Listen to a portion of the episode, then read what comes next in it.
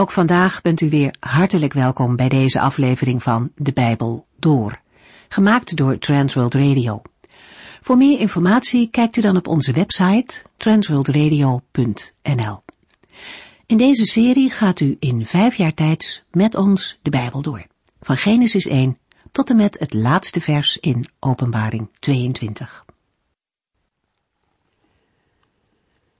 Mocht u meer informatie willen hebben over deze serie en misschien ook alle andere activiteiten van TWR willen bekijken, kijkt u dan op onze website transworldradio.nl of belt u ons overdag op 0342 478432. Na een korte terugblik zijn vandaag de eerste zes versen van hoofdstuk 3 uit Hebreeën aan de beurt. In hoofdstuk 1 en 2 gaat de schrijver van de Hebreeënbrief in op de persoon van Christus. In hem heeft God zichzelf bekendgemaakt aan mensen. Hoofdstuk 1 laat zien dat Christus groter en belangrijker is dan de profeten en de engelen. Hij is de Zoon van God en neemt een unieke, hoog verheven plaats in. Engelen worden voorgesteld als dienende geesten. Zij dienen God, maar ook mensen. Engelen aanbidden de Zoon. Denk maar aan de nacht waarin de Heere Jezus geboren werd en de lucht vol met engelen was die hem aanbaden. Hoofdstuk 2 begint met een vermaning om aandachtig naar de waarheid van Gods woord te luisteren. Er wordt dringend opgeroepen om ernst te maken met de geweldige redding die door Jezus Christus bekendgemaakt is. En die via andere gelovigen ook aan ons is doorgegeven. Wie dat niet serieus neemt, moet ook niet denken dat God dat door de vingers ziet. Denk maar aan de boodschappen die God via engelen stuurde, zoals de wet van Mozes, geeft de schrijver als voorbeeld. Wie niet gehoorzaamde, werd gestraft. De tijd heeft laten zien dat die woorden betrouwbaar waren. En daarom moeten de lezers van de brief niet denken dat het er niet toe doet wanneer ze geen ernst maken met de verlossing die Christus geeft. Verder legt de schrijver van Hebreeën uit dat Jezus Christus echt een mens van vlees en bloed geweest is.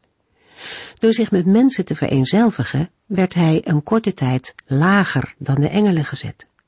De schrijver legt dat feit uit. En vervolgens gaat hij in op de noodzaak dat Christus vanwege het lijden van de dood tijdelijk beneden de engelen stond en uiteindelijk laat hij zien wat voor zegen uit de menswording van Christus is voortgekomen.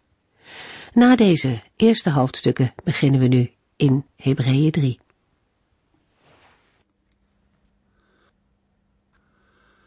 Uitgaande van wat hij in de vorige hoofdstukken heeft gezegd, begint de schrijver van Hebreeën aan het volgende onderdeel van zijn uiteenzetting, namelijk dat aan de Heer Jezus veel grotere heerlijkheid moet worden gegeven dan aan Mozes. Hebreeën 3 vers 1 Broeders en zusters, God heeft u voor zichzelf afgezonderd en u uitgekozen om u met ons een hemelse bestemming te geven. Daarom wil ik dat u uw aandacht richt op Jezus, de apostel van God en de hoge priester van ons geloof. Door de gelovigen direct met broeders en zusters aan te spreken, krijgt Hebreeën 3 een zeer persoonlijk karakter. Over het woordje afgezonderd hebben we al gesproken naar aanleiding van vers 11 uit hoofdstuk 2. Afgezonderd, heilig of apart gezet zijn synoniemen. In Hebreeën 2 vers 11 lazen we nu wij door Jezus voor God zijn afgezonderd, hebben wij dezelfde Vader als Hij. Daarom schaamt Jezus zich er niet voor ons zijn broeders en zusters te noemen. De benaming broeders en zusters, die overigens ook onder aanhangers van andere religieuze groeperingen werd gebruikt, geldt voor de gelovigen in het bijzonder omdat zij alle kinderen of zonen van God zijn en broeders en zusters van Jezus Christus. Bij uitgekozen of geroepen gaat het om het feit dat God de lezers heeft geroepen. Voor de woorden uitgekozen om u met ons een hemelse bestemming te geven, lezen we in andere vertalingen deelgenoten van de hemelse roeping. Een hemelse roeping is dan ook een uitnodiging van God, die in de hemel woont, of een uitnodiging van God tot een hemelse bestemming. In het Grieks lezen we voor Daarom wil ik dat u uw aandacht richt op Jezus, de apostel van God en de hoge priester van ons geloof, de woorden Richt uw oog op de apostel en hoge priester van onze beleidenis. De vorm van het werkwoord geeft aan dat de lezers nu direct hun aandacht moeten richten op Jezus Christus. De schrijver wil dat de lezers als het ware met Christus meedenken. Met het woord apostel, gezondene of afgezand, vat de schrijver van Hebreeën, Hebreeën 1 vers 1 tot en met 2 vers 4 samen. De Heer Jezus wordt verder nergens apostel genoemd, maar de heiland wist zich wel door God gezonden. De uitdrukking apostel van God en de hoge priester van ons geloof houdt in dat dit gegeven, namelijk dat Jezus door God was gezonden en dat hij als hoge priester de zonde heeft verzoend, deel uitmaakt van de christelijke geloofsleer. Die geloofsleer en dat geloof moeten de gelovigen vasthouden. Natuurlijk zullen de gelovigen dit geloof ook naar buiten toe hebben beleden en ervan hebben getuigd. Jezus Christus is groter, belangrijker en beter dan de profeten, dan de engelen. En nu zullen we zien dat hij meer is dan Mozes. Hebreeën 3 vers 2 Want Jezus is trouw aan God die hem als hoge priester heeft aangesteld, zoals ook Mozes trouw was aan zijn opdracht in het huis van God. Bij de vergelijking van Jezus Christus met Mozes gaat de schrijver van Hebreeën uit van een overeenkomst. Net als Mozes trouw was in zijn dienen van de Heer in de tabernakel, zo is Christus getrouw aan God. De woorden die hem als hoge priester heeft aangesteld, is een omschrijving van God de Vader, die meermalen in het Oude Testament voorkomt. Het Griekse werkwoord dat met aangesteld is vertaald, kan ook maken en doen betekenen. We treffen de twee betekenissen van dit woord in het Nieuwe Testament aan in veel verschillende nuances.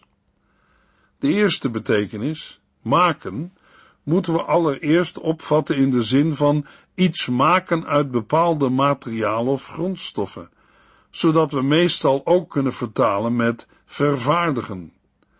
We lezen bijvoorbeeld over onderkleden en mantels maken. Het wordt ook gebruikt voor het vervaardigen van literatuur, zoals een boek. Afhankelijk van het tekstverband kan gekozen worden voor een synonieme uitdrukking voor maken, bijvoorbeeld wanneer het gaat om het aanleggen van een vuur of het opzetten van een tent. Ook van God wordt gezegd dat hij dingen maakt, bijvoorbeeld de hemel en de aarde, de zee en al wat daarin is. Een aantal keren wordt het deelwoord zelfstandig gebruikt. De makende, dat wil zeggen de schepper. Ook kan het gaan om een maken op natuurlijke wijze, een voortbrengen. We lezen bijvoorbeeld over een boom die takken voortbrengt. Een bron die water voortbrengt, of over olijven en vijgen die worden voortgebracht. We treffen dit woordgebruik vooral aan als gesproken wordt over vrucht voortbrengen, zowel in letterlijke zin als in overdrachtelijke zin. Vervolgens treffen we de eerste betekenis, maken aan, in de zin van tot stand komen of bewerken. We lezen bijvoorbeeld over vrede maken, dat wil zeggen vrede stichten, en over een verbond maken, dat wil zeggen een verbond sluiten. Met betrekking tot gebeurtenissen moeten we eerder denken aan de nuance maken dat iets gebeurt, dat wil zeggen veroorzaken. De eerste betekenis treffen we ook aan in de zin van iets of iemand maken tot iets. Dat wil zeggen iets of iemand stellen op een bepaalde plaats of in een bepaalde positie. Dit woordgebruik vinden we bijvoorbeeld als Jezus zegt dat de Joodse leiders de tempel tot een rovershol hebben gemaakt, of dat God Jezus en tot Here en tot Christus gemaakt heeft. Anderzijds kan het ook neerkomen op zich uitgeven voor, zoals wanneer de Joden aan Jezus vragen, voor wie geeft u zich uit?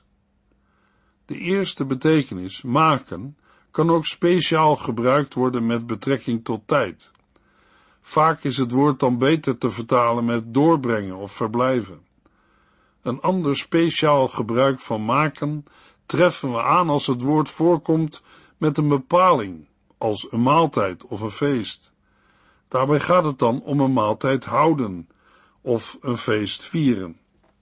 De tweede betekenis, doen, treffen we allereerst aan in de zin van handelen. Ook lezen we over goed doen en goed handelen. En over beter doen en beter handelen. We vinden de tweede betekenis ook in de zin van uitvoeren, verrichten. Dit is het geval wanneer het gaat om iets doen, bijvoorbeeld wonderen doen, tekenen doen of krachten doen. Maar ook lezen we over de waarheid doen of de wetteloosheid doen. De tweede betekenis vinden we verder in de zin van iemand kwaad doen. Ten slotte moet vermeld worden dat we beide woorden vaak tegenkomen met een zelfstandig naamwoord ter omschrijving van het werkwoord dat ermee samenhangt. We lezen bijvoorbeeld over een samenzwering maken in plaats van samenzweren, over de zonde doen in plaats van zondigen, of over het gebed doen in plaats van bidden.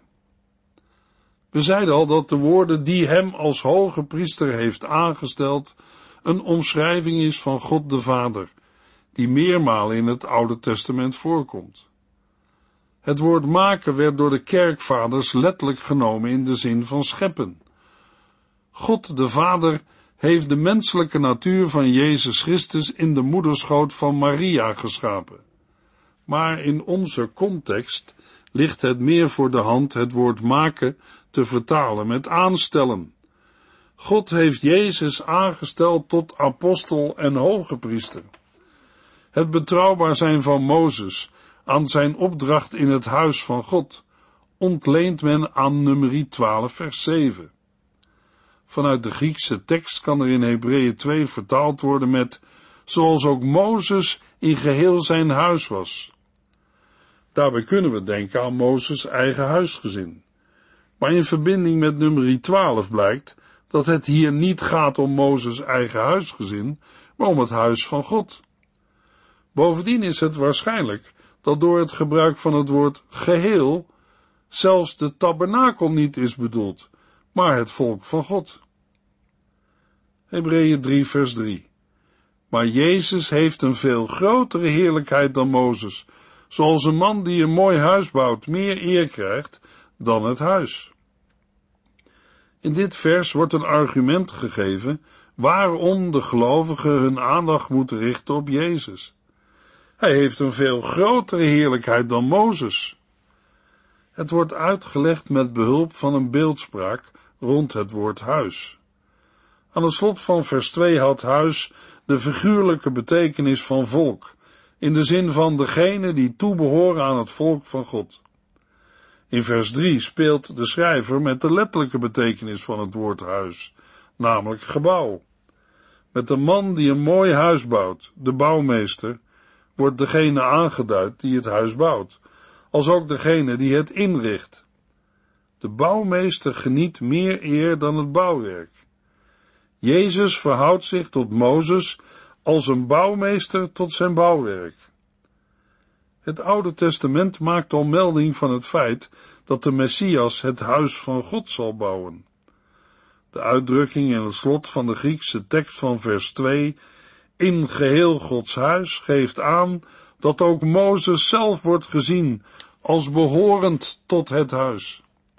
Daarom is de plaats van Mozes ondergeschikt aan die van Jezus. Uit de werkwoordsvormen in vers 3 blijkt dat Christus deze heerlijkheid, die hem toekwam, ook werkelijk heeft ontvangen en nu in bezit heeft. Ook in 2 Korintiërs 3 vers 7 tot en met 18 vinden we een vergelijking van de heerlijkheid van de bediening van Mozes met de bediening van Christus. Ik citeer een paar versen uit het genoemde Bijbelgedeelte. Vers 7. Toch begon het oude verbond, tot de dood leidde, met zo'n stralend licht, dat de Israëlieten het niet konden verdragen naar Mozes te kijken. En dan iets verderop in vers 14 tot en met 18. Niet alleen het gezicht van Mozes was bedekt, maar ook de gedachten en het inzicht van de mensen. Zelfs nu nog ligt er een sluier over de boeken van het oude verbond, wanneer ze worden voorgelezen. Deze sluier wordt alleen weggenomen door het geloof in Jezus Christus. Ja, ook in deze tijd zijn zij verblind als zij lezen wat Mozes geschreven heeft. Maar als iemand zich tot de Heere bekeert, wordt die sluier weggenomen. De Heere is de geest die leven geeft, en waar Hij is, is vrijheid.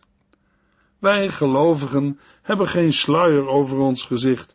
Wij zijn net spiegels die het schitterende licht van de Heere weerspiegelen. Terwijl zijn geest in ons werkt, gaan wij steeds meer op hem lijken. Hebreeën 3 vers 4 Mensen kunnen huizen bouwen, maar God heeft alles gemaakt. Uit vers 3 valt af te leiden dat Christus de bouwmeester is van het huis van God. In vers 4 wordt dit via een kleine omweg nogmaals aangetoond. Ook al heeft ieder bouwwerk een specifieke bouwmeester, God is als schepper de bouwmeester van alles. Hij heeft het heelal geschapen en alles wat mensen op aarde bouwen, kan alleen bestaan bij zijn gratie. Al in Hebreeën 1 vers 2 en 3 lezen we dat God zijn scheppingswerk door middel van de Zoon heeft uitgevoerd en in stand houdt. Lazen het al in Colossense 1 vers 16 en 17. In Christus is alles in de hemelen en op aarde geschapen, al het zichtbare en onzichtbare. Koningen en wereldbeheersers, regeringen en andere autoriteiten. Alles is in Christus gemaakt tot zijn eer. Het was er al voordat er iets bestond en alles wat bestaat is er dankzij hem. Zo is de Zoon namens de Vader de bouwmeester van alle dingen en ook de bouwmeester en heren van het huis van God, het volk van God. In Efeziërs 2 komen alle gebruikte woorden bij elkaar. Volk van God, huisgezin van God, gebouw en heilige tempel van God. We lezen in Efeziërs 2, vers 17 tot en met 22. Jezus kwam met het goede nieuws dat het vrede was, zowel voor u die ver van God was, als voor ons die dichter bij hem leefden. Door wat Jezus heeft gedaan, mogen wij, Joden en niet-Joden, vrij bij de Vader komen, in één geest. Voor God bent u nu geen vreemdelingen of buitenlanders meer. Nee, u hebt dezelfde rechten als de Joodse christenen. U hoort nu ook bij het volk van God, bij zijn gezin. U staat zo vast als een huis op de fundering van de apostelen en profeten, en de belangrijkste steen, de hoeksteen, is Jezus Christus zelf. Hij houdt het hele gebouw bijeen. Wij vormen samen met hem een heilige tempel voor God, een tempel die steeds groter wordt. Ook u wordt door de geest in dit gebouw, in dit huis van God, ingevoegd. Ja, Christus is de bouwmeester van het huis van God. Hebreeën 3 vers 5 Nu deed Mozes zijn werk in het huis van God wel goed, maar hij was toch niet meer dan een knecht. Zijn werk was vooral een verwijzing naar wat er later zou gebeuren. Nu volgt de conclusie uit de vergelijking van Mozes met Jezus Christus. Mozes was als dienaar getrouw in geheel het huis van God, terwijl Christus als de zoon heerst over het huis, het volk van God. Net als in vers 2 hebben we te maken met een citaat uit nummer 12, vers 6 en 7, waar Mozes ook dienaar wordt genoemd. Op zichzelf is een dienaar van God zijn een eervolle aanduiding, maar er is toch een groot verschil met de zoon, die de erfgenaam is van alle dingen. De woorden, nu deed Mozes zijn werk in het huis van God wel goed, maar hij was toch niet meer dan een knecht, worden in de Griekse tekst nog aangevuld met als dienaar om te getuigen van hetgeen gesproken zou worden. Dit getuigenis is stellig de wet die de Heer aan Mozes gaf. De wet die een voorbereiding was voor de komst van Christus. We lezen in Hebreeën 10 vers 1 en 2 de wet van Mozes gaf maar een versluierd beeld van de geweldige dingen die Christus voor ons zou doen. Jaar in jaar uit werden telkens weer dezelfde offers gebracht, maar toch konden de deelnemers aan deze eredienst niet tot volmaaktheid gebracht worden. Als dat wel had gekund, zou één offer genoeg zijn geweest. Dan zouden de gelovigen eens en voor altijd gereinigd zijn en zouden zij geen besef van schuld meer hebben. En in Gelaten 3 vers 23 en 24 lezen we, tot de komst van Christus werden wij door de wet bewaakt. Wij leefden bij wijze van spreken onder het strenge toezicht van de wet, zolang wij nog niet wisten dat wij op Jezus Christus mochten vertrouwen. Laat ik het anders zeggen. De wet was onze opvoeder, totdat Christus kwam en wij door in Hem te geloven recht voor God konden staan. Bij de woorden een verwijzing naar wat er later zou gebeuren, gaat het om het spreken van God door zijn zoon in het laatst van de dagen. Mozes zelf hoort tot de profeten, door wie de Heer in het verleden had gesproken. Jezus heeft zich meermalen beroepen op het getuigenis van Mozes, en ook de apostelen beriepen zich op de wet om aan te tonen dat Jezus Christus de beloofde Messias was. Het bewijs dat Jezus groter, belangrijker en beter dan Mozes is, was nodig omdat binnen sommige Joodse en ook Samaritaanse kringen Mozes hoger werd gesteld dan de verwachte Messias. Hebreeën 3 vers 6 Maar Christus, Gods trouwe Zoon, heeft het volledige beheer over het huis van God. En dat huis zijn wij, de christenen, als wij tenminste tot het einde toe volhouden en met blijdschap op de Here blijven vertrouwen. Bij het eerste deel van vers 6 moet het woordje trouw worden ingevoerd. En dan wordt het, maar Christus, Gods trouwe zoon. In de Griekse tekst van vers 6 is het woordje trouwen niet aanwezig. Maar de context maakt dit duidelijk. Zowel Mozes als Christus worden trouw genoemd. Mozes in zijn dienen in het huis van God en Christus in zijn heersen over het huis van God. Uit wat volgt blijkt dat het huis van God in het Oude Testament, het volk Israël, nu bestaat uit degenen die Jezus Christus als Zoon van God erkennen, zowel Joden als niet-Joden. En dat huis zijn wij, de christenen is de gemeente van Christus bestaande uit Joden en niet-Joden. Voorwaarde om bij het huis van God te blijven behoren is het vasthouden van het geloof in Jezus Christus. We lazen, als wij tenminste tot het einde toe volhouden en met blijdschap op de Here blijven vertrouwen. Het gevaar bestond namelijk dat gelovigen met een Joodse achtergrond zouden terugvallen in de oude tradities van de wet van Mozes, waarbij in de praktijk Mozes boven Jezus werd gesteld. Op de Here blijven vertrouwen is mogelijk geworden door het offer van Jezus Christus. In andere vertalingen lezen we als slotwoorden van vers 6, indien wij maar de vrijmoedigheid en de roem van de hoop tot het einde toe vasthouden. Roem is datgene waar een mens trots op is. Het wordt nader verklaard door hoop, verwachting en datgene waarop men hoopt. Zo bestaat de roem van een gelovige uit de verwachting of hoop van de wederkomst van Christus en de heerlijkheid die dan het deel van de gelovige zal worden. Bij de woorden als wij tenminste tot het einde toe volhouden, moeten we in de eerste plaats denken aan de dag van de wederkomst van Christus, waarna ook toen door de gelovigen vurig werd uitgezien. Als we tenminste tot het einde toe volhouden en met blijdschap op de Here blijven vertrouwen. Als een mens door genade een kind van God mag zijn, zal er blijdschap en hoop zijn die vasthoudt, volhoudt en op de Here blijft vertrouwen. Geen wonder dat ons wordt gezegd op hem ons oog te richten. In Hebreeën 12 vers 3 worden we aangespoord, denk aan hem die zoveel heeft doorstaan, zodat je niet verzwakt of onverschillig wordt. Hij heeft verdragen dat slechte mensen vreselijke dingen van hem zeiden.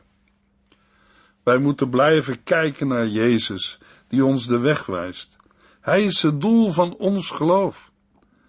Denk aan Petrus en de storm op het meer van Galilea. Midden in de storm komt de heiland zijn angstige leerlingen te hulp. Jezus is niet in de boot, maar loopt over het water naar hen toe.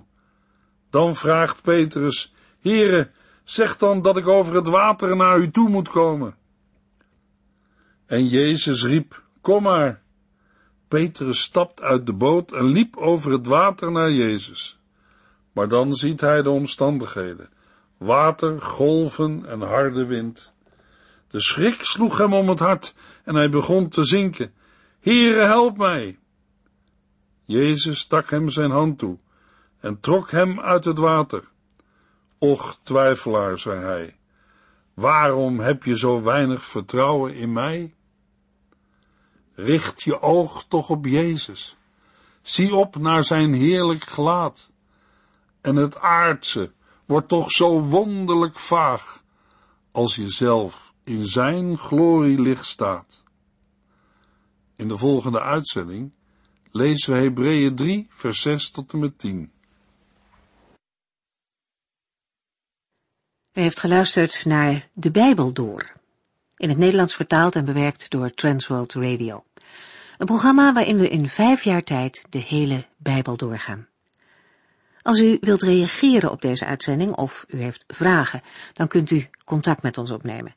Tijdens kantooruren kunt u bellen op 0342 478432. 0342 478432. Ook kunt u een e-mail sturen naar de Bijbel door at transworldradio.nl en natuurlijk kunt u ook via de post ons bereiken. TWR, postbus 371, postcode 3770, AJ in Barneveld. Dit programma werd gepresenteerd door Cor Weda en Ike André. Techniek was in handen van Odin van Voerkom. En wij allemaal bedanken u voor het luisteren. Graag tot de volgende keer.